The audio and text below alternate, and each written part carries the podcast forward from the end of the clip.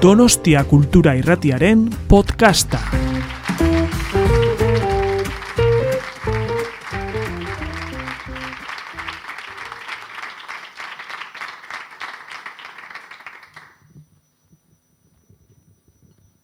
Pues escucha, ¿no? Bueno, muchísimas gracias Iñaki. Voy a bajar este escalón porque me siento sino aquí demasiado en las alturas encumbrado. ¿No? Que me hace muchísima ilusión estar aquí. Muchísimas gracias, por supuesto, a, a todos los que estáis, a Iñaki y a Sergio por invitarme a bueno, Donostia Cultura y todos los que habéis hecho posible esta, bueno, este ciclo, no sé cómo llamarlo, ¿no? este súper homenaje. Lo hablaba con, con Gema, ¿no? Eh, la última vez cuando estuvimos presentando en Madrid, no sé, bueno, no sé qué hacías ahí la última vez ya, pero el caso es que, que no sé, me parece como muy emocionante ¿no? y muy difícil imaginar un, un creador, un artista, eh, como es el caso de, de Rafael, ¿no? que, que, que fallece y, y, de pronto ¿no? hay este, su ciudad se vuelque así, de esta manera, ¿no? sobre todo cuando no parecía tan evidente, ¿no? y sin embargo que, que emocionante que estéis haciéndole esto y, y, nada, que me emociona mucho pues, formar parte ¿no? un, un rato de todas estas actividades, ciclos, eh, homenajes. No he podido todavía ver bien la, la exposición que, que, habéis organizado aquí, pero ya veía ¿no? que, era, que era hermosa. ¿no? Y bueno, gracias Cheli por, por hacerla también, por organizarla, por contármela, por todo, por muchos amigos aquí de, de Rafael ¿no? y amigos y conocidos. Eh, bueno, que es muy bonito compartir este rato con vosotros y con los que no os conozco también. Me invitaron para, bueno, para compartir un rato, ¿no? hablando de Rafael y de un poco la relación que se fue un poco eh, bueno, pues haciendo entre los dos, ¿no? a base de, de, bueno, de unos años, ¿no? de, me gusta llamarlo amistad, no sé si él me podía considerar así un amigo como los tantos amigos ¿no? que a los que dedicó canciones y a los que se ven ahí. Pero bueno, creo que en esta última quizás etapa de su vida, pues tuve un pequeño, bueno, un pequeño huequito ¿no? ahí en su vida, sobre todo en sus ratos en Madrid. Y, y, nada, pues que es de las cosas que, que agradezco a, a, a, quien haya que agradecer ¿no? en la vida eh, que te pasen estas cosas, ¿no? Pues haber conocido a, a Rafael, eh, sin duda, ¿no? Pues es de las cosas que ahora veo más claramente como más eh, hermosas, eh, importantes que me han pasado en la vida, ¿no?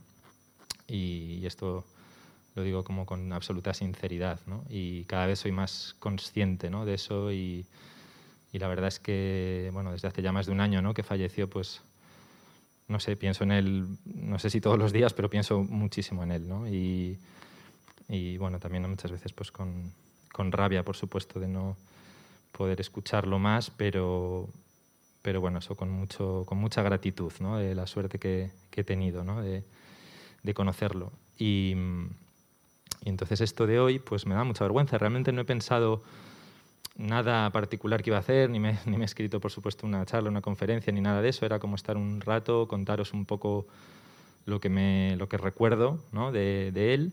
Y sí que he traído nada, alguna cosa que me parecía que era bonito poder mostrar dentro de su absoluta, eh, no sé, bueno, ahora lo, lo vamos viendo. ¿no? Ah, de hecho, tenía aquí esto que pasa, ¿no? Los, los Macs que se ponen promocionarse. Bueno. Eh, pues nada, contaros cosas, ¿no? Así un poco voy a intentar ir eh, sin un poco sin ton ni son seguramente y por supuesto diálogo abierto a los que estáis aquí que queráis preguntar o, o, complementar o simplemente hablar cualquier cosa de Rafa que muchos aquí lo conocéis mucho mejor que yo y sabéis más, ¿no? Eh, mi relación con, con, Rafael empieza siendo fundamentalmente una relación de, de fan, se lo contaba ayer a, anteayer a un periodista ¿no? eh, que me preguntaba sobre él, es decir, que, que, yo tengo la suerte de descubrir a Rafael pues, por un amigo ¿no? que de pronto me manda, o sea, soy de los que llegan tarde a Rafa, esto ya es lo primero que tengo que reconocer, ¿no? un amigo me manda Simulacro, ¿no? esa canción que yo creo que ha sido un poco una canción clave, ¿no? seguramente en su, en su carrera yo creo que le abre ¿no? a como a muchos nuevos eh, fans o no sé cómo llamarnos. ¿no? El caso es que llegó a mí esa canción Eh, y fue como, creo que pocas veces me ha pasado así como ipso facto, ¿no? Una cosa de quién es esta persona, quién es este cantante que ha escrito esta letra y vi el vídeo, ¿no? Que salía ahí en, creo que era en el Victoria Eugenia o en el Teatro Principal, no sé dónde era que grabaron ese videoclip. Y bueno, inmediatamente fue como un poco casi una obsesión instantánea de empezar a escuchar ese disco ¿no? que acababa de salir entonces, 1971. Si no recuerdo mal, es, es del 2010, ¿no? creo. Es decir, que yo acababa de, de, hacer o estaba terminando mi primera película, sí, por ahí, ¿no? como estrenando, ¿no? Yo, mi primera película como director, que era Todas las canciones hablan de mí. Y, bueno, eso fue empezar a escuchar ese disco y mucho, mucho, mucho, y entonces ir como descubriendo más al, artista que había detrás, pues los, los, los, discos anteriores. ¿no? Sí que es verdad que, y esto claro, lo cuento, claro, es curioso, ¿no? pero yo me acuerdo en esa época que luego preguntaba más gente, incluso amigos míos, ¿no? que eran... Eh, saber bastante, que saben más de música que yo y que están bastante al día. Y cuando les hablaba de Rafael Berrio, creo recordar que la gran mayoría no, no lo ubicaba, ¿no? no sabía quién era o no habían oído hablar de él hasta que de pronto alguien de aquí de San Sebastián dijo, sí, sí, hombre, si este es uno que lleva toda la vida aquí en Donosti eh, cantando. ¿no? Y, entonces, eh, tiempo después me dijo, sí, sí, pues mira, he conocido a alguien que lo conoce, ¿no? Eh, ¿te gustaría conocerlo? Aprovechando, yo creo, 2000... Pues quizá en ese mismo 2010 o 2011 vengo yo al Festival de San Sebastián y entonces me lo presentan en un, en un bar, ¿no? un amigo común.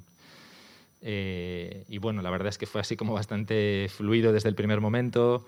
Eh, y, ya entonces, o no lo sé si estoy confundiendo, pero el caso es que, claro, Rafa empezaba a venir, con ese disco empieza a venir bastantes veces a Madrid, a bajar a Madrid a, cantar, ¿no? Y no, no, puedo recordar exactamente cuántos eh, conciertos de Rafa he visto ahí en Madrid, pero han sido muchos, ¿no? Creo que prácticamente puedo decir los que me he perdido, que creo que han sido dos, eso, desde el 2010 hasta, hasta que fallece, ¿no? pues, eh, que fueron bastantes ¿no? los conciertos que pudo hacer allí. ¿no? Y dos veces que me lo he perdido porque no estaba en la ciudad o algo me pasaba, ¿no? porque para mí era como no podía no, no perdérmelo. ¿no? Eh, era muy bonito, claro, en, estos años, ¿no? del 2011, 2012, 13, todos estos años ya luego va sacando pues, diarios, ¿no? Paradoja, Niño Futuro. Y y claro, al, principio bajaba y muchas veces venía él, tocaba solo normalmente. He llegado a estar en, claro, esto supongo que aquí no le pasaba, ¿no? pero, en, Madrid ha llegado a suceder de, estar en un sitio como era el Búho Real, que era un, lugar donde se tocaba mucho, y, estar eh, yo y una amiga mía de público. ¿no? O sea, y Rafa dio el concierto para, para nosotros de dos horas, generosísimo, concierto que no olvidaré nunca, maravilloso, pero vamos, que el público era yo y mi amiga con la que había ido. ¿no? Quiero decir que esto es como algo que no podemos dejar de pensar con, con el tema de Rafa porque es muy fuerte, ¿no? Claro, ver esto aquí ahora. Eh, son revanchas de la vida, ¿no? Y, luego también muy bonito ir viendo, ¿no? Como poco a poco esos conciertos cada vez iban estando más, más poblados y cada vez más gente y más gente. Y ya es últimos conciertos en Madrid eh, donde, tocaba en algún lugar chiquito, pero siempre estaba lleno, siempre se quedaba gente fuera, dentro de que seguían siendo espacios pequeños. Pero recuerdo esos conciertos primeros, ¿no? Eh, algunos realmente como épicos. ¿no? Eh, entonces, eh, esa es como mi primera relación con, con, con, Rafael, siempre es esta, ¿no? es como, como espectador en esos conciertos. pues los 2, 3, 4, 5, 10, 15 que estábamos allí y luego más, en una especie de entrega de fanatismo, lo que decía, como no, como no he vivido con ningún otro músico creador, es decir, creo que nunca he sido podía ser a lo mejor fan así a este nivel de alguno que, que es de otro país o está o, es de otra época, ¿no? Eh, pero esta cosa de, y creo que no era solo yo, éramos unos cuantos más, eh, de quedar en casa y estar todo el rato poniendo el disco y gritando las canciones, una cosa realmente enloquecida, ¿no? Diría casi. Y, y, bueno, no sé, supongo que es porque algo ahí había, ¿no? En, en, que no voy yo ahora aquí a hablar exactamente de su genialidad, no se trata de eso, ¿no? que lo explique yo ahora, seguro que otros lo habéis explicado mucho mejor, pero sí que había una especie de conexión con esa especie también de desconexión de muchas cosas del mundo moderno, contemporáneo, ¿no? de las cosas que él se atrevía a decir que no le gustaban y de las cosas que se atrevía a decir que le gustaban ¿no? en esas canciones, ¿no? en los, los homenajes que hacía, los, los referentes, el amor también que mostraba por, por, por lo, lo que para él era lo importante, pues yo ahí siempre encontraba o encontré desde el primer momento como un punto, ¿no? un nexo ahí de, de unión muy, muy fuerte. ¿no? Entonces, bueno, así la cosa, pues eh, en esos viajes de él a Madrid y tal, pues vamos hablando después de los conciertos y nos, eso, nos quedamos a charlar y vamos a otros bares y se va poco fraguando una cierta amistad conmigo y con otras personas que no están aquí hoy, ¿no? De, como era pues Aloma Rodríguez, que es una escritora en esa época vivía en Madrid, eh, Javier Rebollo, eh, otros muchos, eh, Francesco Carril, Licha Sorana, mucha gente que estábamos allí, digamos, en este mismo nivel que creo que os podrían decir más o menos lo mismo que os estoy diciendo yo ahora, ¿no? de su relación con Rafael. ¿no? Entonces, bueno, para ir como ya como a, concretos, claro, bueno, pues esa, esa, relación se... En un momento, claro, él, empezaba a bajar y, alguna vez también se queda en casa, eh, ¿no? porque muchas veces cuando bajaba a Madrid, pues bueno, tenía ahí como algunos amigos ¿no? que siempre le dejaban pues alguna habitación y cuando no, pues ya también alguna vez se quedó en mi casa y era como, en casa de Javier Rebollo también, ¿no? con Gema alguna vez. Bueno, era un, un placer poder acogerlo porque además él era muy generoso y cuando veníamos a, aquí a San Sebastián eh, siempre nos ofrecía su casa, ¿no? incluso a veces dejaba su casa para que nos quedáramos otros, ¿no? O sea, que había una especie de generosidad en su humildad, una forma de ser, algo que también he ido como viendo más y más y más con él cuando vas descubriendo a la persona, ya no solo al personaje que, que un poco él creó con sus canciones, sino que te vas encontrando con una persona que es una mezcla ahí de, no sé, de sobriedad, ¿no? Curiosamente, ¿no? He leído por ahí que lo explica, dice, yo soy alguien muy sobrio, ¿no? Dice él ahí, y creo que, que es verdad, ¿no? O sea, aunque luego tuviera ese otro lado eh, más canalla o más eh, eh, alcohólico, si queremos decirlo así directamente, pero luego al mismo tiempo había una sobriedad humilde, casi diría como, como una especie de, de pobreza de lujo. ¿no?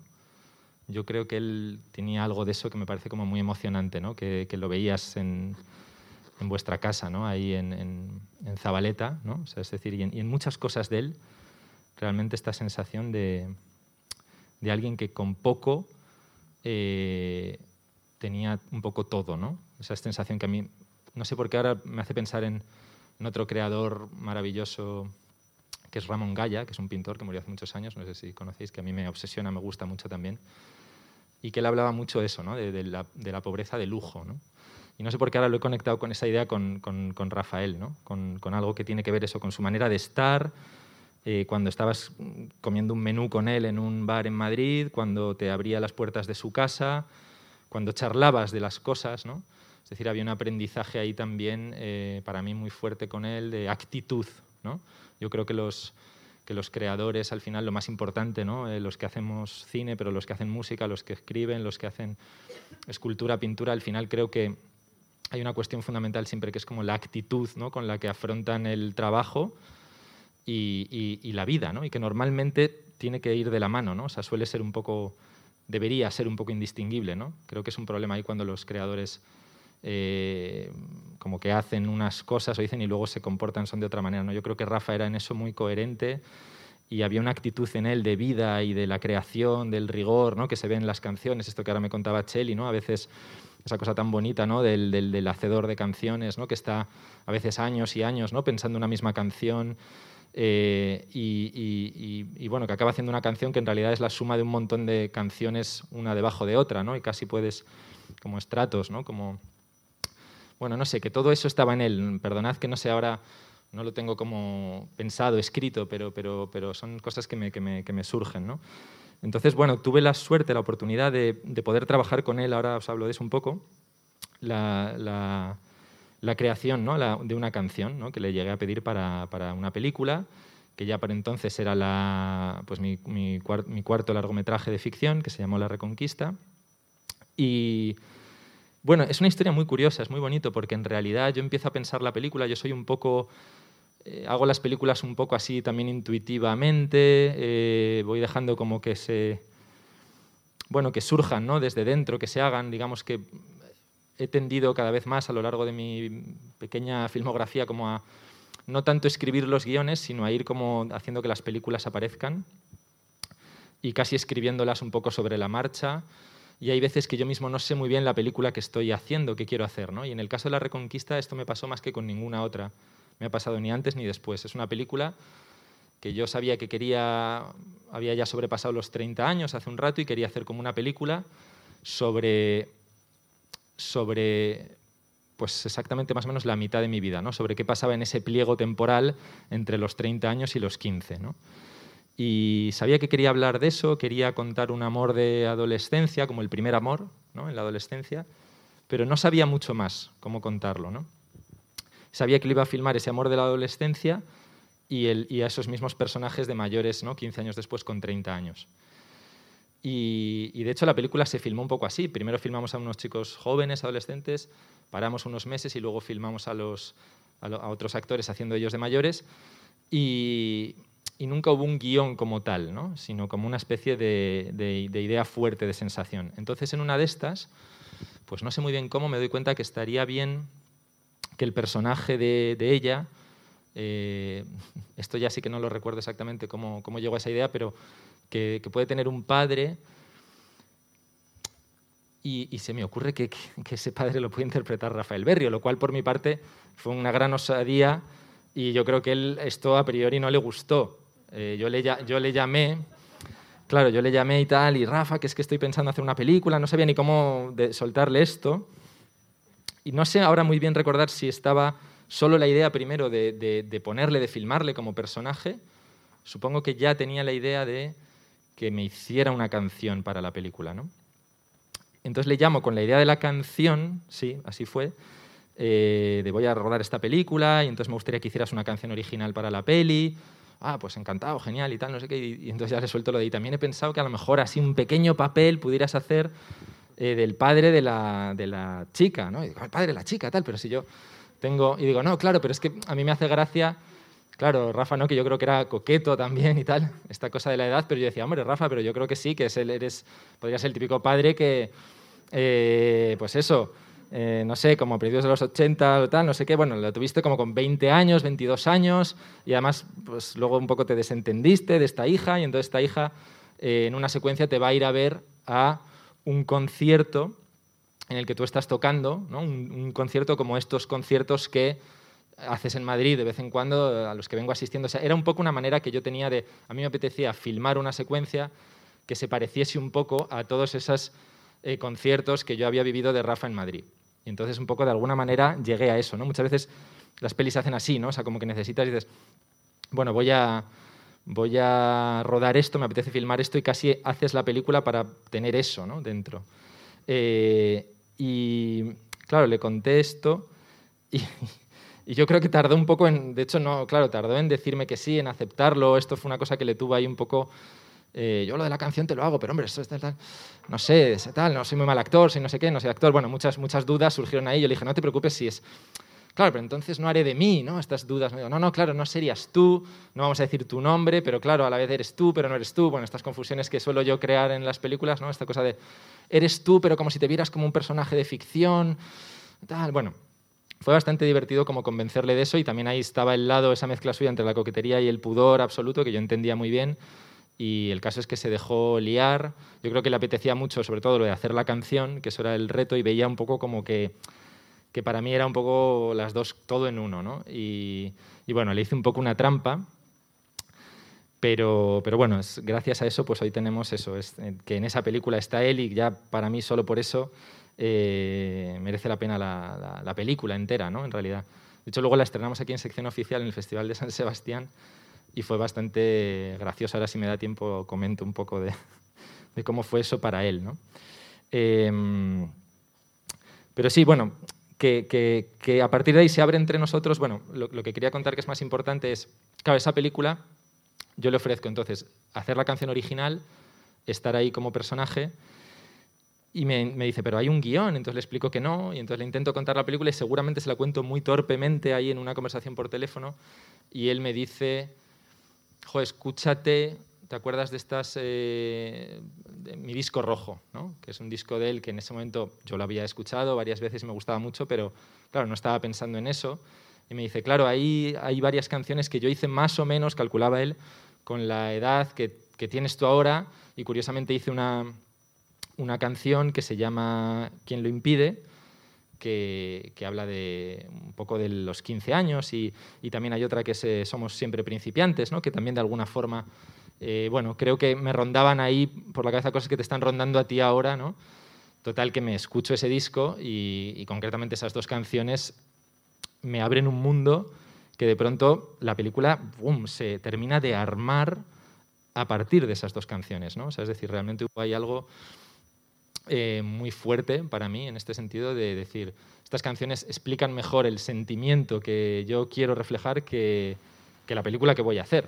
Entonces voy a intentar construir la película en torno a ellas. ¿no? Entonces, claro, la cosa se fue un poco complicando y al final lo más bonito de la película para mí, si alguno no la habéis visto y la vais a ver mañana, es escuchar, es como la evolución de la voz de Rafa por debajo, ¿no? Es decir, se, se escuchan, como la película está un poco al revés, funciona al revés, se escucha primero a Rafa cantar estas canciones, eh, digamos, después, o sea, ahora, en una, hora, digamos, en el presente de la película.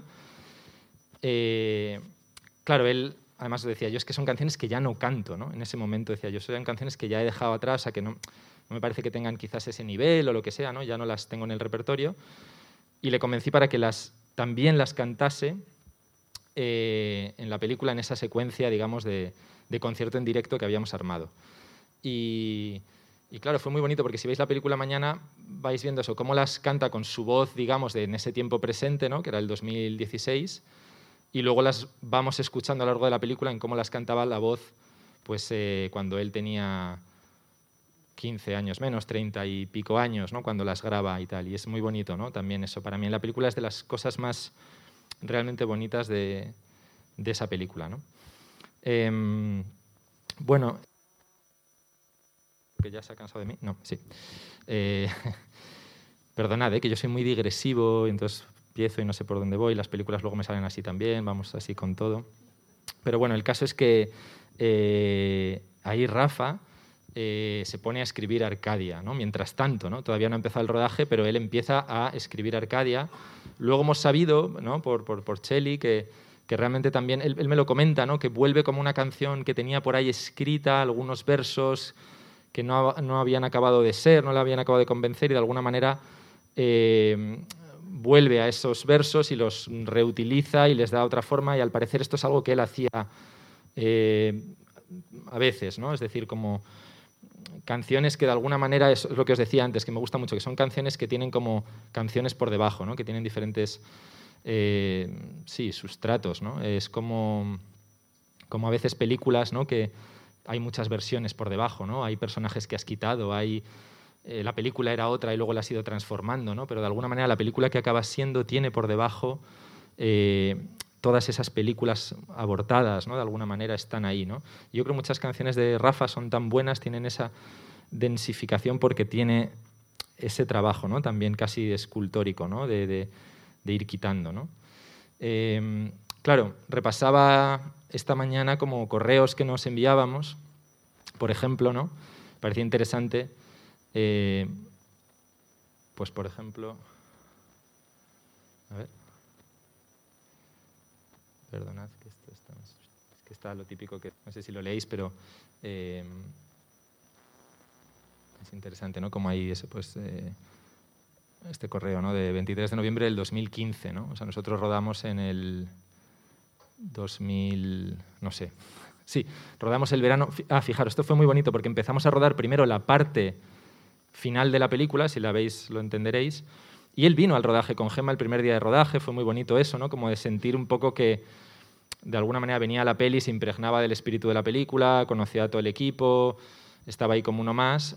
Rodamos solo como 10, 12 días, paramos de rodar varios meses y volvimos a rodar en las Navidades del 2015 al 2016, con lo cual este correo pertenece a él ya ha estado en el rodaje, todavía no hemos y, y dentro de poco vamos a rodar el presente de la película donde aparece él y donde va a tener que cantar en directo esta canción. ¿no? Entonces escribe esto de no sé, estaba con una cosa, me la imagino muy solemne y llena de emoción. Es una exhortación, un sermón eh, eh, parenético a la, manera griega. Y me manda estos primeros versos que si luego escucháis la canción, pues eh, no están en la canción finalmente, ¿no? pero que son muy bonitos, ¿no? que remonta el río, corazón mío, vuelve en ti hacia las fuentes, no encauces bajo los puentes la espuma loca de tu albedrío. No te des tan manso al mar en la ría detenida y ancha, sino regresa, regresa a tu avalancha, a la brusca sangre torrencial. y toma corriente arriba a tu lírica cumbre nativa. Sigue en este plan, dice, luego la acción transcurre en la Arcadia. Y entonces aquí ya sí dice, debe estar la Arcadia en flor, prende entre los juncos la azucena, ni siquiera, ni siquiera sientes pena, gira sobre ti al manantial y toma, toma, haz memoria, recuerda tu bella historia, tu más bella historia de amor. Y dice, una, una parte ve posible un poco a la manera irónica, Oh pastor, dulce pastor, bajo los sauces de las riberas que amansabas a las fieras con el toque de tu laúd, cantándole a la juventud y a la belleza noble y pura, toca otra vez para mí. Remonta el río, corazón mío. Oh sierpe cristalina, no al mar cercano, corazón ultramontano, sino regresa, regresa como quien delira, etcétera, etcétera. Claro, prácticamente es muy bonito volver a leer esto porque Claro, prácticamente no queda luego nada de esto en la, en la, en la canción final, ¿no? excepto el Debe estar la Arcadia en flor, que probablemente es lo que tenía también de, de aquella otra canción original. Claro, es muy emocionante. Yo creo que me, me, impactó mucho ¿no? estos primeros versos. Yo le contesto, a la vez, claro, entramos un poco en una discusión que es compleja también, ¿no? de que es una canción para una película y que Claro, él me preguntaba mucho cómo es la película, de que, pero ¿qué quieres que cuente la canción? Yo le daba, yo no le quería obviamente escribir la letra, yo le daba ideas, ¿no? Le decía, bueno, para mí es importante la idea de las palabras, que las palabras que no se saben decir, el, no recuerdo exactamente, pero creo que le daba como, sí, como, el, como, bueno, aquí le contesto, no voy a leer mi, pero le contesto largo, como veis, y, o sea, es decir, que hay ahí, y, y, no sé si esto es... Eh, no sé si esto es el primer, no, creo que sea el primer correo que nos mandamos, porque ya él empieza así muy a bocajarro, ¿no? Estaba con esta cosa, pum, es como lo primero que me tira, ¿no? Que se dice. Entonces, eh, vale. Voy a ser muy breve con esto, pero me parece que es bonito. Esto, de hecho, el email lo titula Monstruo, ¿no? Y este es Monstruo 2 después de mis notas. Mira, Jonás, primero muchas gracias por las apreciaciones. Ayer puse un poco de orden en la primera estrofa. Me falla el segundo, pero ya tengo ideas para... Me falta la segunda, pero ya tengo ideas para ella. Empieza así, empezaría así la primera. Remonta el río corazón, corazón mío. Vuelve en ti hacia las fuentes, no encauces bajo los puentes la espuma loca de tu albedrío. No te des tan al manso mar en la ría detenida y ancha, sino levanta, levanta la avalancha de tu sangre torrencial y regresa donde afloras a tu surgencia nativa, toma corriente arriba al manantial de tus bellas horas. Ya se van colando este manantial de tus bellas horas, cosas que van a acabar estando, ¿no? Debe estar la Arcadia en flor, haz memoria, recuerda tu bella historia, tu más bella historia de amor. Yo creo que seguramente, creo recordar ahora mientras leo esto, claro, él dice, ya no hay pastores ni, ni laudes, jaja, que seguramente yo le hice algún comentario de eso, ¿no?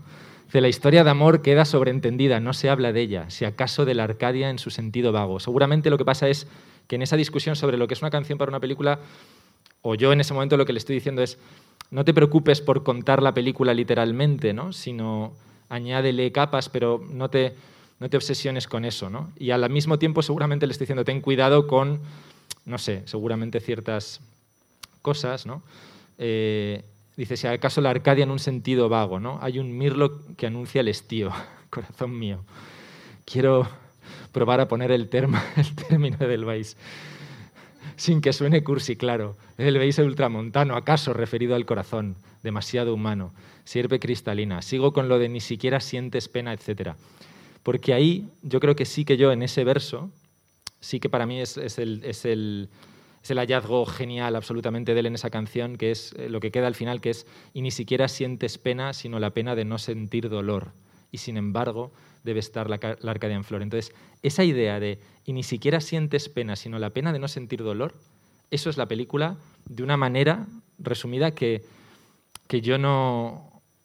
Seguramente él me lo, me lo coge de alguna manera en esas conversaciones porque yo le digo, es que la película al final trata de alguien que realmente tampoco sabe exactamente lo que le está pasando, ¿no? cómo se relaciona con ese recuerdo, hasta qué punto es... ¿no? La, la, película va de eso, ¿no? de una carta que sabes que le ha escrito a alguien con 15 años a otra persona y cómo cuando tienes 30 no te acuerdas de haber escrito esa carta, pero al mismo tiempo en esa carta hacías una promesa absoluta hacia el futuro. ¿no? Y sin embargo han pasado 15 años y has olvidado la carta y entonces ¿qué pasa ahí? ¿no? esa era un poco la, bueno, donde la película se desenvolvía, ¿no? Entonces él encuentra ese hallazgo, ¿no? Que a mí me parece, siempre he pensado que es, cuenta la película mejor que nada, ¿no? Y habla de esto, ¿no? Para la última cuarteta de la canción, en la segunda estrofa, antes del estribillo final, he pensado en esta rima un poco desoladora. Oh corazón, en tu hora cierta rehuye el océano y gira, regresa como quien delira a la luz de una estrella muerta. La verdad es que la estoy probando con la guitarra en diferentes registros musicales y suena muy emocionante, creo yo. Eso sí, escribir con mira siempre decepciona un poco. El puro azar es siempre mejor para obtener esa magia de las correspondencias alusivas, por decirlo de algún modo, ya me entiendes. Ya veremos a dónde llego. Quiero que salga a relucir algo impuro también. Puede cambiar bastante la cosa. ¿Acaso encuentre una clave que ahora ignoro? Y entonces yo aquí pues le, respondo y no sé qué, que no voy a leer mis... Bueno, hay toda una correspondencia que sigue y sigue y que realmente es muy, es muy emocionante. ¿no? Entonces hay un momento que me habla, hay un email por ahí que he encontrado que es muy gracioso, ¿no? que es solo cuando ya se retira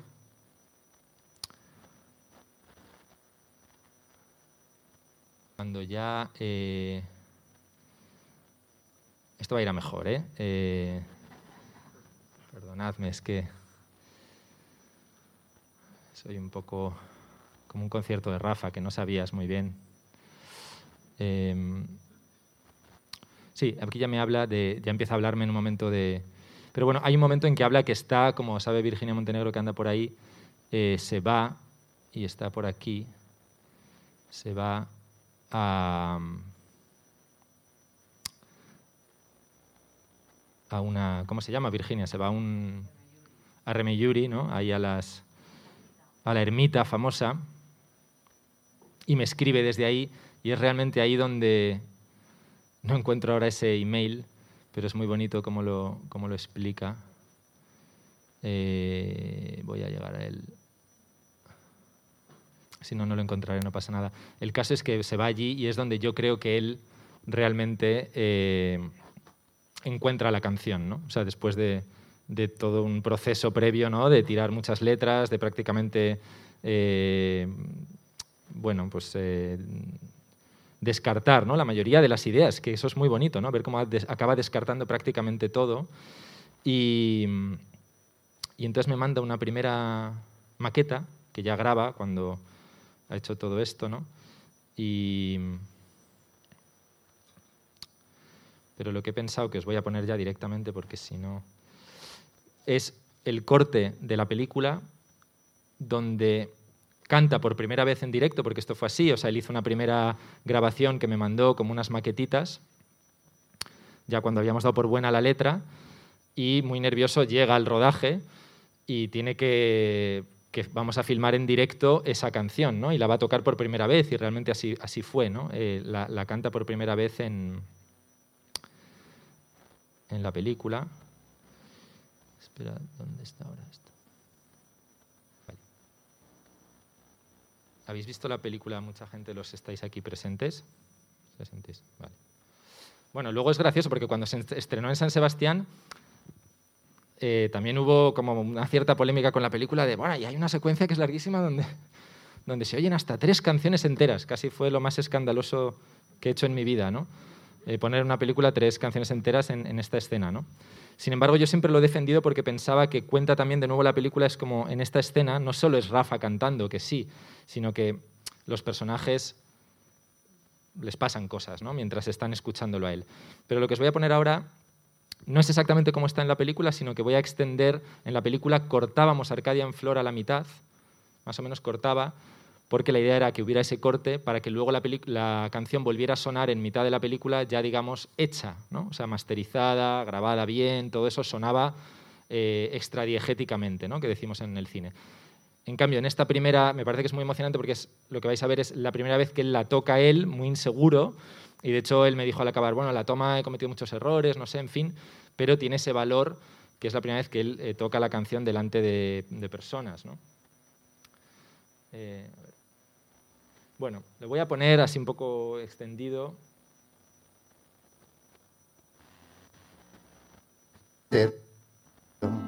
O el infierno del hastío. no trae otra cosa al río. No trae otra cosa al río. Somos siempre principiantes. Somos siempre principiantes y el amor no acaba. Ah, duras penas, eso nos depara. Porque nadie sabe nada de su propio amor. No, nadie sabe nada de su propio amor. No, no, no, nadie sabe nada de su propio amor.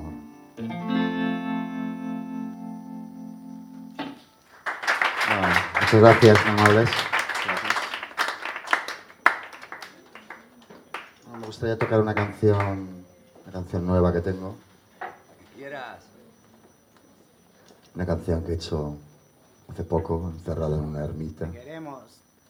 Mogollón.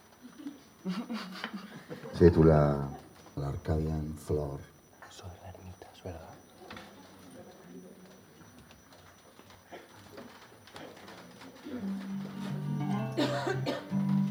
Vamos a ir.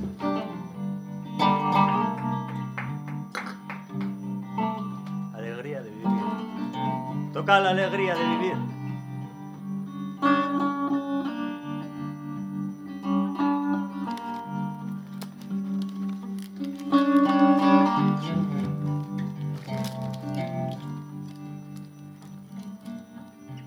Trizas de un corazón, pavesas al viento, diminuto fragmento de una vieja emoción. Cosas que no lo son, hojas secas finales cayendo en lentas espirales, pompas de jabón.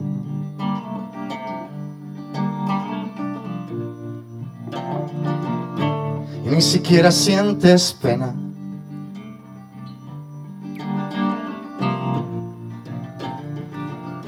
Sino la pena de no sentir dolor. Esa pareja de... Y sin embargo, debe estar la Arcadia en flor. Debe estar la Arcadia en flor. Tras de las puertas de bronce del tiempo. Debe estar la Arcadia en flor.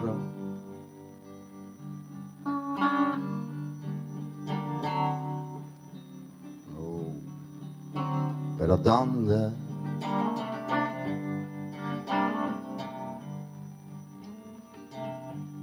Cenizas al mar, espuma del agua, formas de olvido que fragua en cada quien el azar. Insensible pasar del tiempo en las cosas, palabras borrosas que te hicieron llorar.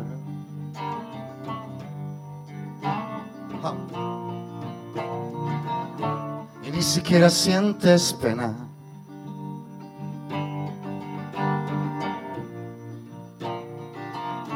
Sino la pena de no sentir dolor. Y sin embargo, debe estar la Arcadia en flor debe estar la Arcadia en flor, tras de las puertas de bronce del tiempo, amor mío, debe estar la Arcadia en flor.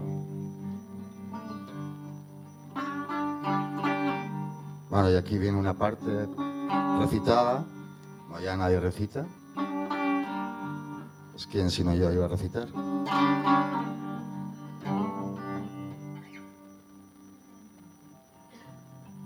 Pero ¿dónde para el cerezo en su esplendor? ¿Dónde para el áureo pastor? ¿Dónde para los rojos frutos del estío? ¿Dónde para tu risa, amor mío? ¿Dónde para el tigre que duerme junto a su presa? ¿Dónde para el mirlo que regresa? ¿Dónde para el manantial de tus bellas horas? ¿Dónde para las palabras que rememoras? ¿Dónde para la novia que en los verdes prados, girando, aún está con los ojos vendados? ¿Dónde para la rosa? ¿Dónde para el espino? ¿Dónde para el dulzor de las fuentes de vino? ¿Dónde para el albedrío de toda criatura? ¿Dónde para la inocencia desnuda? Debe estar la Arcadia en flor, debe estar la Arcadia en flor, tras de las puertas de bronce del tiempo, amor mío. Debe estar la Arcadia en flor. Uh, ¿dónde? Do- ¿Dónde? ¿Dónde, amor mío?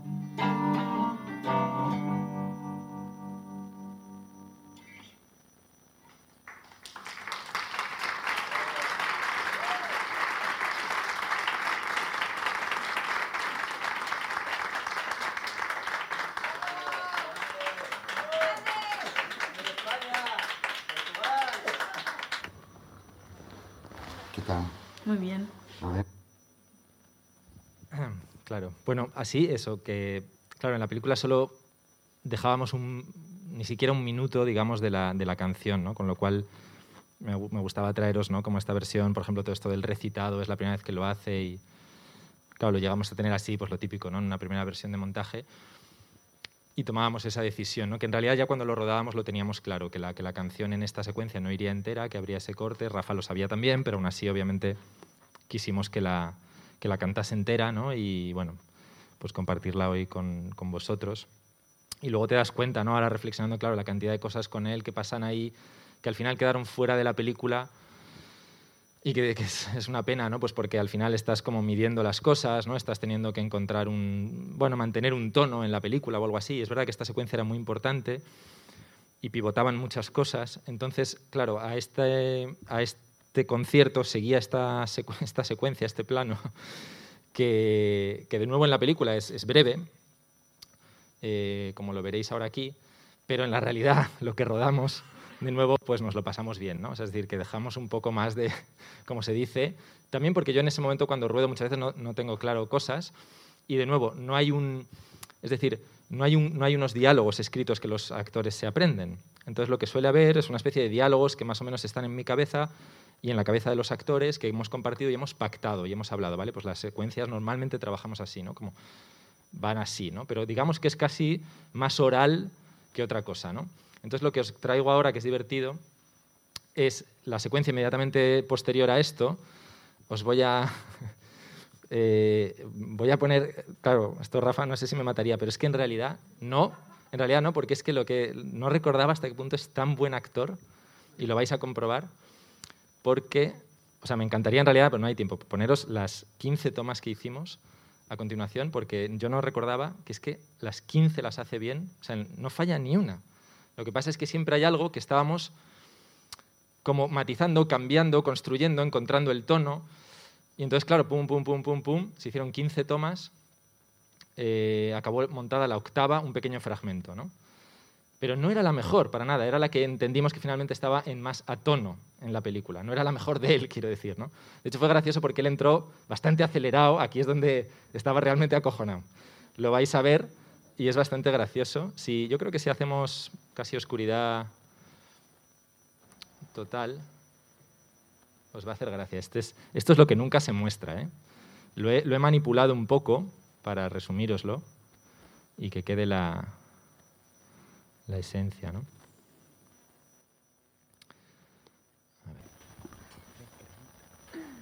5, 20 segundos. ¿Qué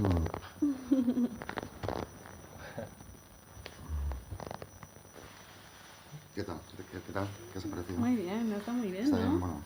Sí, un poco a la remanguilla. ¿no? un poco a la remanguilla, pero bien. No, este, público, muy bien. este público me destroza. ¿eh? no te quejes, este público es, terrible, perdona. Es que tengo que. Disculpa, ¿eh? Eh, Daniela, por favor, ¿dónde está mi botella de, de Oporto? Ah, ¿Que has visto con quién he venido? He venido con Olmo. Sí. Ah. Ah. Del instituto, ¿te acuerdas? Encantado. Hola, Enhor enhorabuena. No, en copa no, por favor. Un vaso, por favor. En copa no me gusta. Que me ha encantado, sí, que me ha gustado muchísimo el concierto. Enhorabuena. Claro. Enhorabuena. Muchas gracias, muchas gracias. ¿Me has dicho Olmo? Olmo. ¿Te acuerdas? Sí. sí. Olmo, ya, no, 900. eso no. ¿no? Qué sí, que te hayas hecho tan mayor. Está muy guapo, ¿no? Bueno. Guapo. Sí.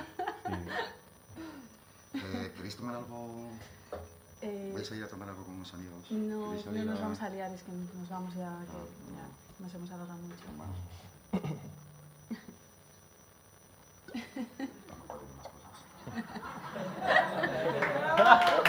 ¡Hostia, tío! Creo que ha sido un problema mío que... Joder.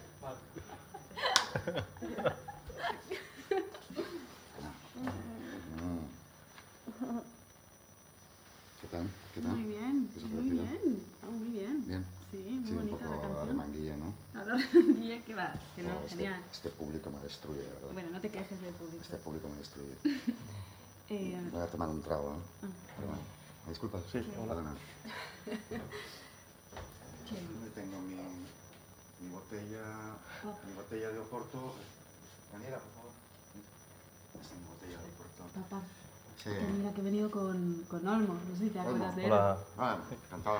No. Enhorabuena por el concierto porque me ha gustado mucho. Sí. Gracias. No, no, que sin copa no, un vaso mejor, por favor. ¿No te acuerdas de Me él? gusta en Del, instituto, que cuando éramos jóvenes. ¿Cómo? Perdona, ¿cómo has dicho? Olmo. Olmo. Olmo, 900. Sí, que ¿Eres Olmo? yo soy Olmo. Ese soy yo. Qué grande, ¿no? Qué mayor, qué pena que hayas hecho tan mayor. Sí, está muy guapo. Sí. ¿Y queréis luego salir a tomar algo? Voy a salir con unos amigos. Vamos a tomar unos... Mm, no, no, no, no, nos vamos a retirar ya en breve. Estamos esperando. ¿Queréis un, ¿qué quieres un cuarto? Vale. Sí, ¿dónde está Daniela? Daniela, por favor. ¿Tienes un puerto por favor aquí? Sí, es, este chico. Que enhorabuena porque me ha encantado escucharle Mm, otra vez. Increíble. Gracias. Sí, gracias. y... ¿Te ha gustado? mu- Mucho. Ujú. No, que le decía a Manuela que todavía tengo el libro que me regaló usted de, de la... No me, trates usted, títame, por favor. Bueno, el No me libro... haga sentir más viejo ya de lo que... Sí, claro, el, no, el, que me regal- el libro que me regalaste de las canciones de Leonard Cohen traducidas, eh, que genial. Ah, ¿no? sí, sí, sí. Tengo la... Sí, sí. ¿El libro que te regalé? Sí, Ujú. sí, con... De canciones de, de Leonard Cohen. Sí. Eh, dedicado. Sí, en la... La ahí en la página. pri- sí, sí, sí. Increíble. Qué bien. Ah, qué bien. Y Entonces, eh, oye, ahora, para que no, no me digan mal, ¿tenéis algo de speed? Joder, no, eh, es que no... No sé dónde está. Estoy esperando. ¿A quién? Bueno, a un, a un colega que vamos a ir luego. Bueno, Ah. No. 520 quinta. Hola. no. Bien, muy bien. ¿Qué tal? ¿Qué tal? ¿Qué te ha Muy parecido? Muy bien. Ha sido un poco de manguilla, ¿no? Que no, no, está muy bien. Hostia, me voy a tomar un trago, ¿eh? Vale. Disculpa, ¿eh? Perdona. No sé dónde. Em, Papá, Daniela, por favor. Mi botella de, Oporto, esa que me tienes reservada. papá. Que mira sí. con quién he venido, que he venido con Olmo. No sé si te acuerdas de él. Hola. Mucho gusto. Enhorabuena. Encantado. Mm, Felicidades por el concierto. Muchas gracias. Muy bueno. ¿Qué tal? Bien, ¿no? Sí. Me ha gustado. Gracias. No, pero que te tienes que acordar de él, hombre. Casi, perdona, en- casi en, en un vaso, por favor. En copa no me gusta. Del, del instituto. Olmo. Olmo, Novecento. Claro, Olmo, Novecento. Mm. ¿Qué nombrecitos poníamos entonces? Claro, claro. Mira, yo quería haberle puesto Bárbara. Y su madre se empeñó en ponerle Manuela solamente porque nació un 18 de junio. 28 de junio. Bueno. papá. 28 de junio. Yo quería haberle puesto Bárbara. Bárbara, como mi cantante francesa favorita. Que tú conoces a Bárbara. ¿no? Sí, sí, sí. ¿Queréis un Oporto? ¿Os Mm, apetece un Oporto? Bueno, yo no. sí. Yo sí. Yo voy a salir luego a dar una vuelta con, que queda con unos colegas que han venido a verme. Si queréis venir con nosotros. No, no, no, nos queremos ¿No? ¿En serio? No, en serio. ¿No tienes un Oporto? Este, Mm, este- no, este- no estoy bien. este Oporto es muy bueno. Mm. Encantado.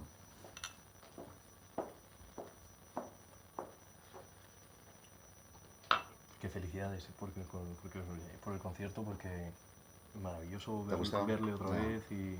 Gracias. Sí. No. Me- que le, no, le estaba... No, perdón. no, sí, sí, sí. Que le estaba diciendo a Manuela que, que todavía tengo el libro que me regaló usted de, de Leonard Cohen. No, no. de- Tía, a mí no me, sí, no me haga sentirme viejo. perdona. El, el libro de Leonard Cohen que me regalaste Sí. con las canciones traducidas, Mm. el- maravilloso, todavía lo, lo conservo. Ah, sí, sí, me ha encantado. Sí, sí, mucho. Y, y- te lo firmé. Sí, que estaba dedicado, o- sí, o- sí, Las genial. canciones de Leonard Cohen. Mm, Mm, qué. Qué bien. Bueno, muy Genial. bien. Muy bien, Alma. Me alegro mucho. Yo también. Mm. Eh, ahora que ¿tenéis speed? ¿Tenéis speed? ¿Tenéis speed? No, no, no, no. Vale. ¿Qué va? Estoy esperando. Estoy esperando a mi hombre y. ¿A quién? Bueno, un, un amigo que, que seguramente vendrá ahora. Y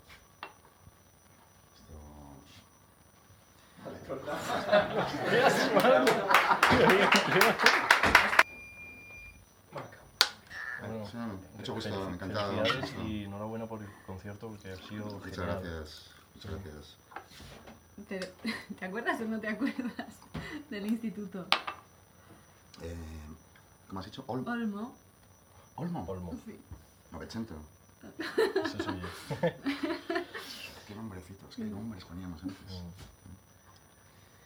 Yo le quería haber puesto Bárbara a Manuela. Ah, Su madre se empeñó en, en llamarle Manuela solamente porque nació un 18 de junio. 28, papá. No, bueno, 28. Bárbara. Bárbara, mi cantante francesa, mi cantante favorita. ¿Conoces a Bárbara? sí. ¿Queréis vosotros? ¿Queréis un oporto? Vosotros. Está bueno. Bueno. Este, este oporto es muy bueno. Yo, No, yo yo- me voy a tomar un... Daniela, ¿puedes poner, por favor? 5,20 séptima. Pero, ¿te acuerdas o no te acuerdas de, ¿De quién? de Olmo? Olmo. Sí. Que sí, hombre. Yo- Olmo. Eh, no, yo- Novecento. Ese, ese- soy yo. Mm. Bueno, No, le decía que hablaba con Manuela, ¿no? Del, que todavía conservo el libro de, de las canciones de Leonard Cohen que me regaló, mm, que estaban traducidas. un libro de Leonard Cohen. Sí. Mm. ¿Te gusta. Leonard Cohen? Me gusta mucho. Mm. Leonard Cohen. Y el libro era, era genial y lo Este- estábamos a- Un libro que firmado, dedicado por mí. dedicado En sí, la primera en página. la primera- y justo eh, Mm. no, Con letra oblicua. con, let- En la primera página. con letra, con, sí, con la, la firma. Y era, era Mm. genial y lo estábamos justo diciendo y Sí, me he acordado. No, eh, sí, me alegro. Ahora que no me haya Manuela, ¿tenéis algo de Speed? Speed. ¿Tenéis algo? Sí. ¿Qué? No. No. Estoy buscando. ¿No has visto, no has visto pasar a un, a un rubio por aquí, ¿no? Tío rubio. Estoy buscando. No, no me he fijado. No, no.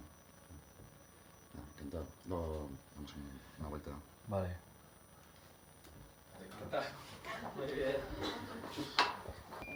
Qué puta- sí, ahí- ahí no sé si te estás acordando de- del instituto. Vale, Olmo. que- Hace mucho tiempo.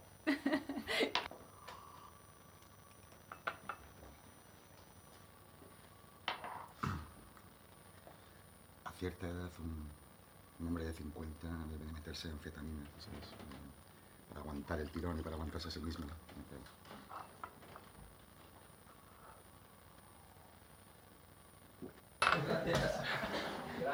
5.20 décimo primera. Me gusta, me encanta. Felicidades, enhorabuena por el concierto porque me ha gustado mucho, Muchas de verdad. gracias, de verdad. Muchas gracias, amable. Pero te, ¿te acuerdas o no te acuerdas del instituto? ¿Olmo? Olmo. ¿Puedes poner, por favor, un, un puerto para, para Olmo? ¿Mm? Otro más para mí. Entonces, bien todo. Muy bien. Qué bonito ha sido verlo.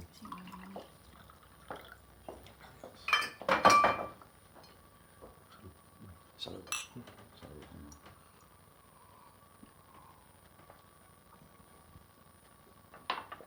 Este puerto es muy bueno. Muy bueno. 5.20 décimo segunda.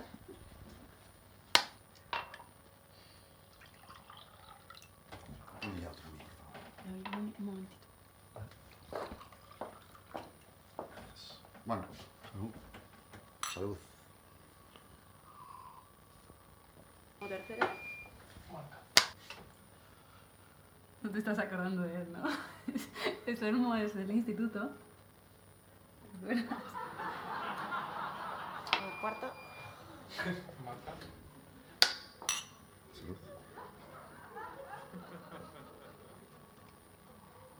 Qué felicidades otra vez, ¿eh? Mm. De verdad, ha sido un placer. Y el concierto ha sido genial, me ha encantado.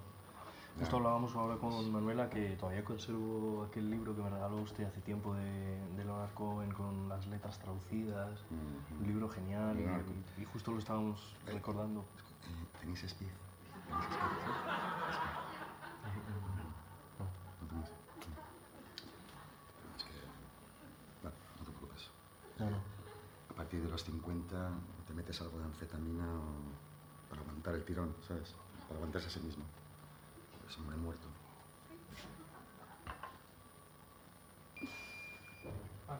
Mira, a los 50 ya cuando te metes anfetamina para aguantar el tirón y para aguantarte Ya. mismo, ¿entiendes? Eres hombre muerto.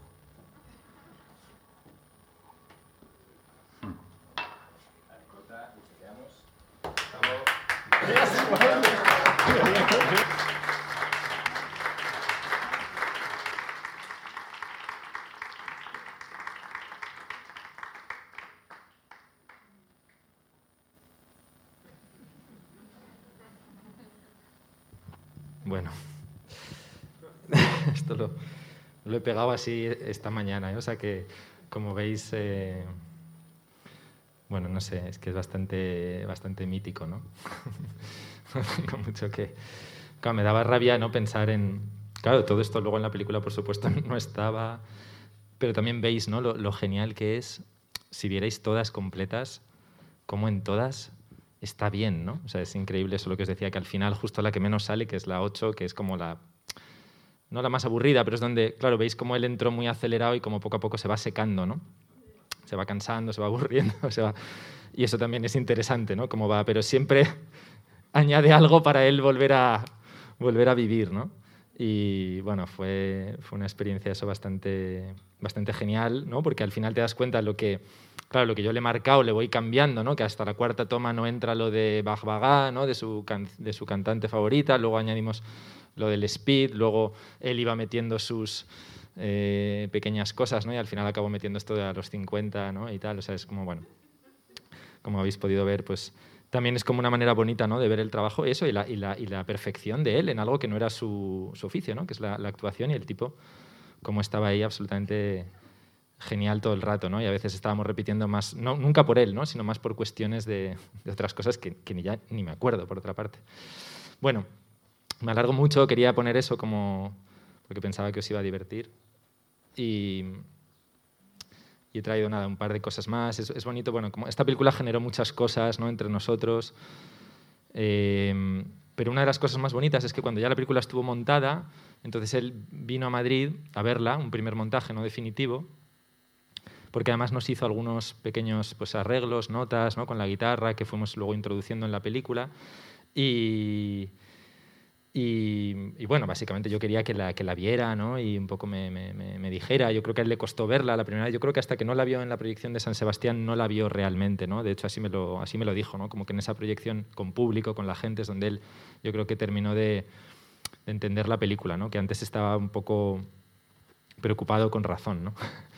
Eh, y el caso es que fue muy bonito en esa visita que hizo al estudio, ¿no? cuando estamos haciendo la- la- el montaje de sonido, o sea, ya solo el sonido para las mezclas del sonido, pues vino a hacer esto que os digo y justo dio la casualidad, y esto fue muy bonito ¿no? contarlo y ya voy cerrando, eh, que, que en ese momento, eh, en ese mismo día, de pronto estábamos ahí en el estudio y Candela Recio, que era la actriz que interpretaba la chica de pequeña, ¿no? de adolescente, cumplía 15 años. Justo cuando rodó la película tenía 14 y entonces estábamos ese día y cumplía 15 años. ¿no? Y estábamos allí en el estudio, Rafa y yo, y entonces, no sé, se me ocurrió, le dije, joder, Rafa, podríamos hacerle un regalo a Candela muy bonito, que es que le grabes eh, Quién lo impide eh, para ella ahora, ¿no? justo hoy que cumple 15 años. ¿no?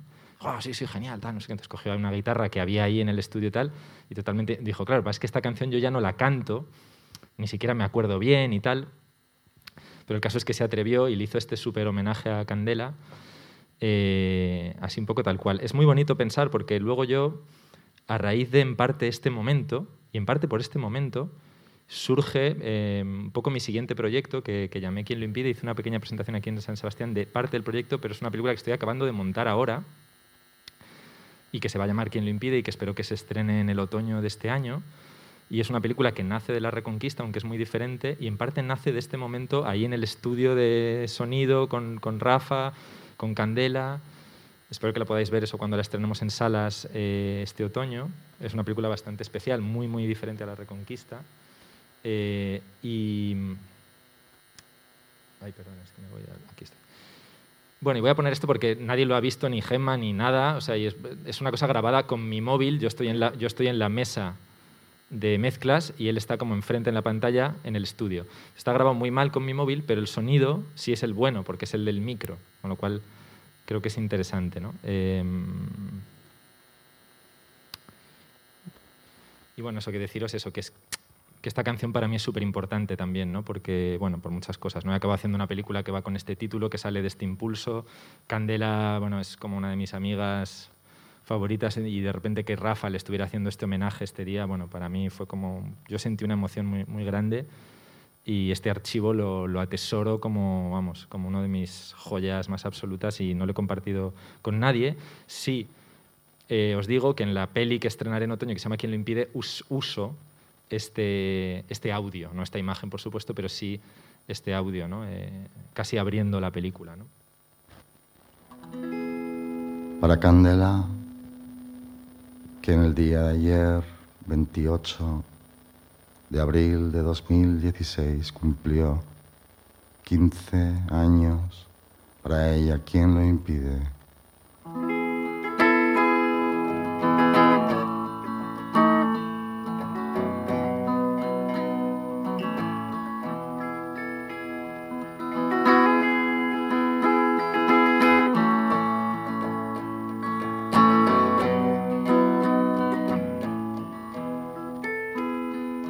Si tienes 15 años y pretendes escapar, con eso basta y sobra para hacerlo. Podrías irte antes de que estas luces de ciudad se apaguen para siempre sin remedio. Podrías cambiar tu nombre por otro que suene mejor acabar con tu linaje de una vez por todas. Apuntarías en un cuaderno un nuevo código de honor, pero siempre en verso, nunca en prosa. ¿Quién lo impide? ¿O quién lo impide? ¿Quién lo impide? Nadie lo impide. ¿Quién lo impide? ¿Quién lo impide? No, nadie lo impide.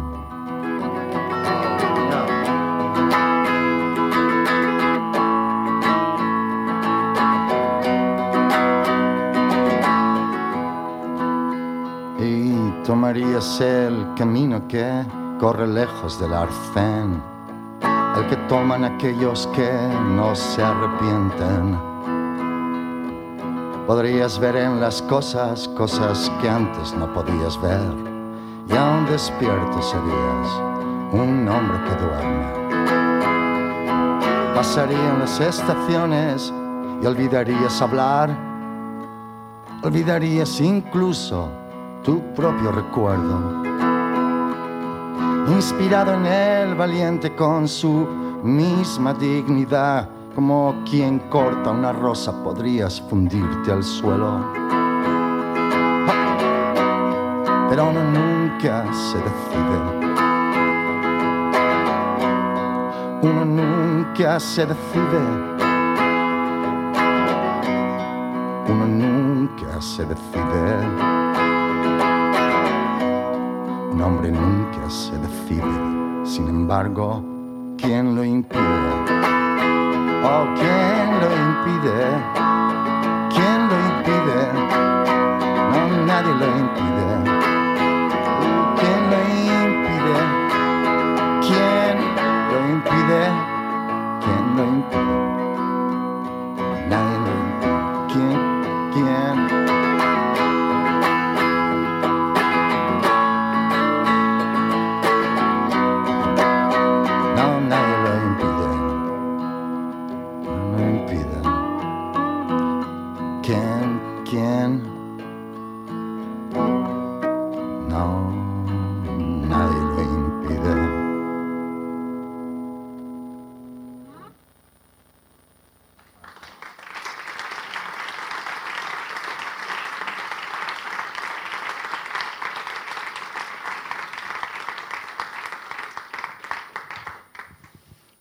Eso que esto está, bueno, siempre le tengo como muchísimo cariño a, este, a esta versión privada, ¿no? digamos, que hizo, ¿no? Y, bueno, como os digo, lo- la- lo- la uso ¿no? en, en- esta película que estoy acabando de montar y que se acaba convirtiendo de nuevo también en una especie de, homenaje a, a él.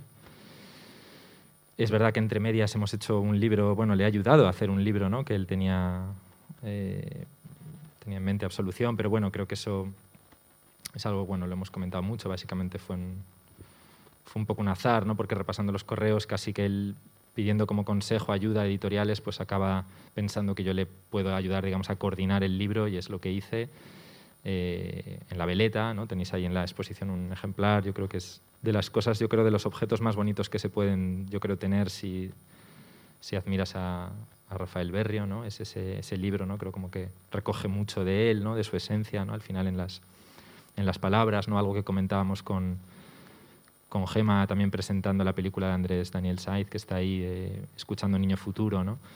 que lo comentábamos, ¿no? que, es un, que es de los pocos, yo creo, músicos que, que te hace ir a buscar el diccionario, ¿no? o sea, que te hace amar las palabras, ¿no? que te hace pensar en las palabras. ¿no? Muchos músicos, incluso algunos muy buenos, no logran eso, ¿no? o sea, no tienen, yo creo, ese verdadero amor tan profundo por las palabras y yo, eso es una de las cosas que siempre con él con, más me ha, de los recuerdos también más bonitos, ¿no? de la, última vez que estuvimos aquí con él, eh, pues ver cómo abría los libros de la veleta, que es la- el sello donde íbamos a publicar sus letras, ¿no? y cómo, cómo los olía, y cómo los miraba, y cómo los tocaba, y cómo eh, se los hubiera leído todos, ¿no? si hubiera podido, sin duda. ¿no?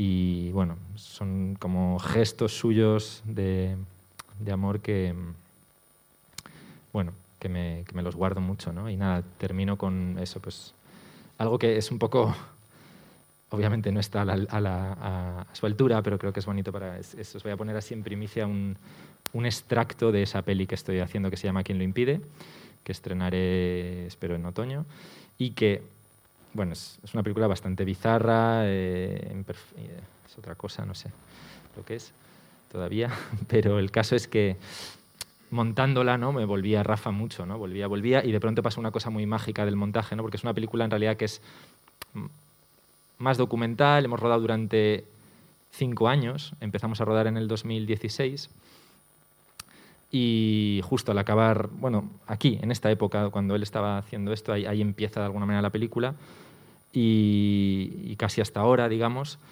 y entonces, claro, hay muchas horas y muchas horas de material grabado con muchos chavales, muchos jóvenes. El montaje está siendo como todo un proceso, ¿no? Y de pronto aparece Rafa ahí, entre esas miles de horas, vuelve a aparecer él en, fugazmente, además en un plano como medio robado, que ni sabía yo que le había grabado, y lo, y lo encontré, ¿no? Y lo encuentro en un momento además muy bonito, que es cuando estábamos medio empezando a presentar el proyecto, un día hace como ya casi tres años, en Madrid, hicimos una cosa muy loca que era con una especie de concierto, con proyecciones, con muchos de los chavales que habían estado participando en la película.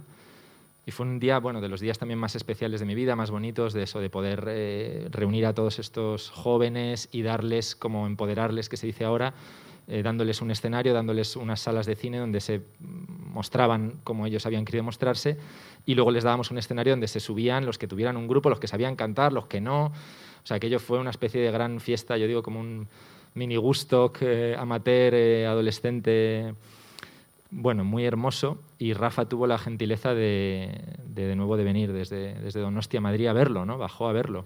Y estuvo por ahí colándose. No hablé casi con él ese día. Es decir, yo no lo vi porque yo estaba tan liado, tenía tantas emociones a la vez, había tantos amigos, todos los jóvenes, estaba muy nervioso y casi ni reparé en su presencia. Sabía que estaba ahí, me encantaba que estaba y se iba metiendo a las salas, veía las proyecciones, salía a los conciertos y creo que lo disfrutó mucho.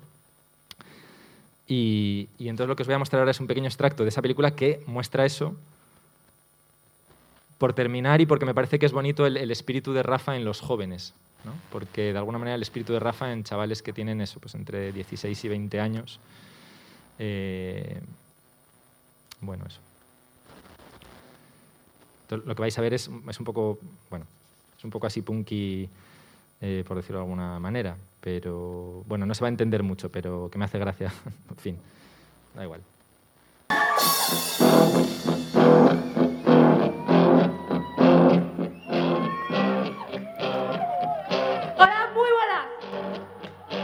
Aquí venimos a deciros que quién lo impide. Porque sí, somos jóvenes y si no tenemos ni puta idea de la vida y nos van a dar palos y palos y palos y qué más da. Porque sabéis que lo único que hace falta es soñar. Todos los que estáis ahí, todos, todos vosotros tenéis sueños. ¿Quién coño os va a decir que no podéis hacerlo? Nadie. ¿Sabéis qué? Porque nadie, absolutamente nadie, lo impide. Así que todos los que estáis ahí, salid a la calle, salid a la calle conmigo, levantad las manos gritad quién lo impide. Porque ¿quién lo impide? ¡Nadie lo impide!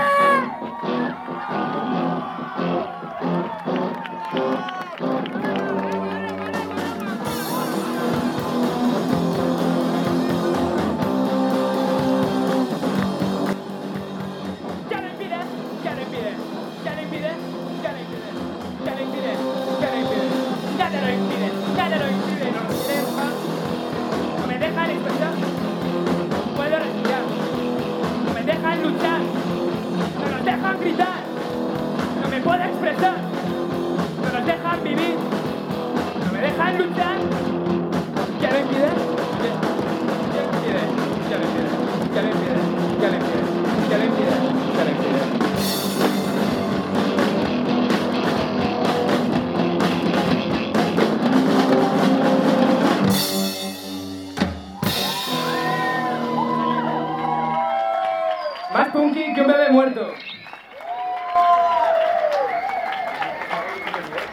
Quiero guapo.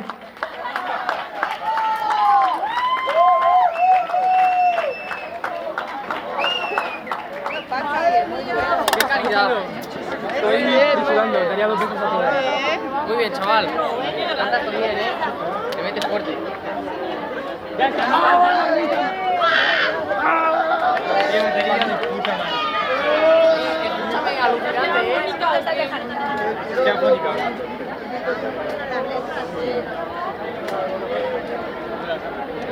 No se ha notado mucho. Nos ha salido mazo de bien. No, gracias. Es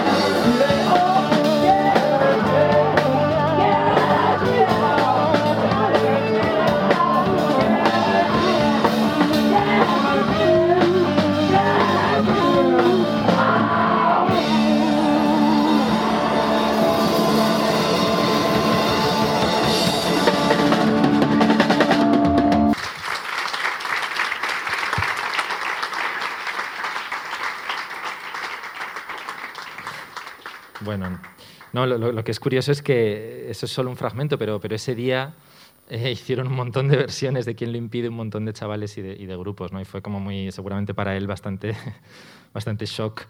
Eh, creo que muchos le decían, sube y tal, y él, no, no, no, estaba ahí como, quería, como aterrorizado, pero a la vez, bueno, como que era muy emocionante. La chica esta que, que, ahí, que sale gritando al principio con el micrófono es a la chica que le ha dedicado la versión anterior, ¿no? Es Candela, la chica a la que le ha dedicado antes la versión de Quien lo impide. Entonces, bueno, hay como una especie de, no sé, ¿no? Como de relato ahí entre ellos súper increíble, ¿no? También como de transmisión de, amor, ¿no? Que a mí me emociona mucho eso, ¿no? Que también la generación de Candela, eh, que acaba de cumplir 20 este 28 de abril, eh, y ha pasado el tiempo, ¿no? Y es como muy fuerte eso y, y que de alguna manera, bueno, no solo saben quién es Rafael Berrios, sino que lo admiran y han incluso tenido la suerte de poder estar en algunos de sus conciertos, de aquellos conciertos que os contaba, pues en algún momento incluso siendo menores colábamos a, a Candela, Pablo y algunos de estos.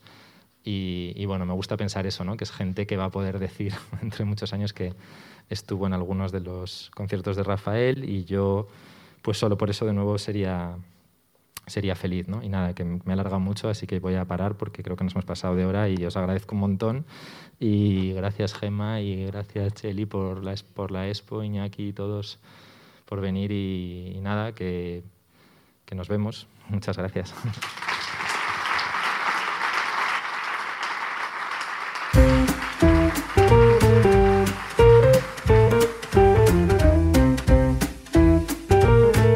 Donostia Kultura Irratiaren podcasta.